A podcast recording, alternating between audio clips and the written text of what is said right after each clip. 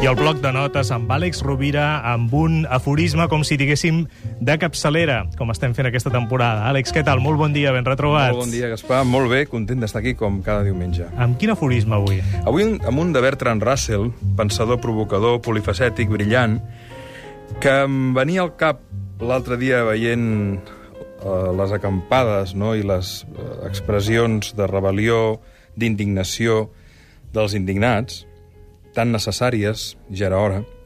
I Bertrand Russell deia, el principal problema d'aquest món és que els babaus i els fanàtics sempre estan segurs d'ells mateixos, mentre que les persones intel·ligents estan plenes de dubtes.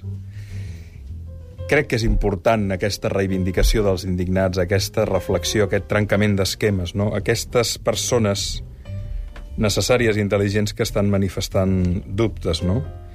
I que, i que necessària és eh, l'escepticisme, el dubte, la provocació i la rebel·lió perquè evolucionem, perquè plantegem nous escenaris, noves realitats, nous paradigmes. No? Certament el principal problema d'aquest planeta és que els babaus i els fanàtics sempre estan segurs d'ells mateixos i fins que no es, pro us provoca un, un sacsejament social que implica un moviment de la consciència, segurament no es fan coses. No? Um, els humans ho hem dit més d'un cop, no podem canviar per convicció o per compulsió, molt poques vegades canviem per convicció. La immensa majoria de les vegades cal que una situació difícil ens desperti perquè realment el canvi per convicció implica un esforç, una, determina, una determinació, mentre que eh, el canvi per compulsió no és més que una resposta davant d'un entorn en el qual ja no ens hi podem mantenir ni seguir perquè és, és injust, com és el cas del que estem parlant ara. No?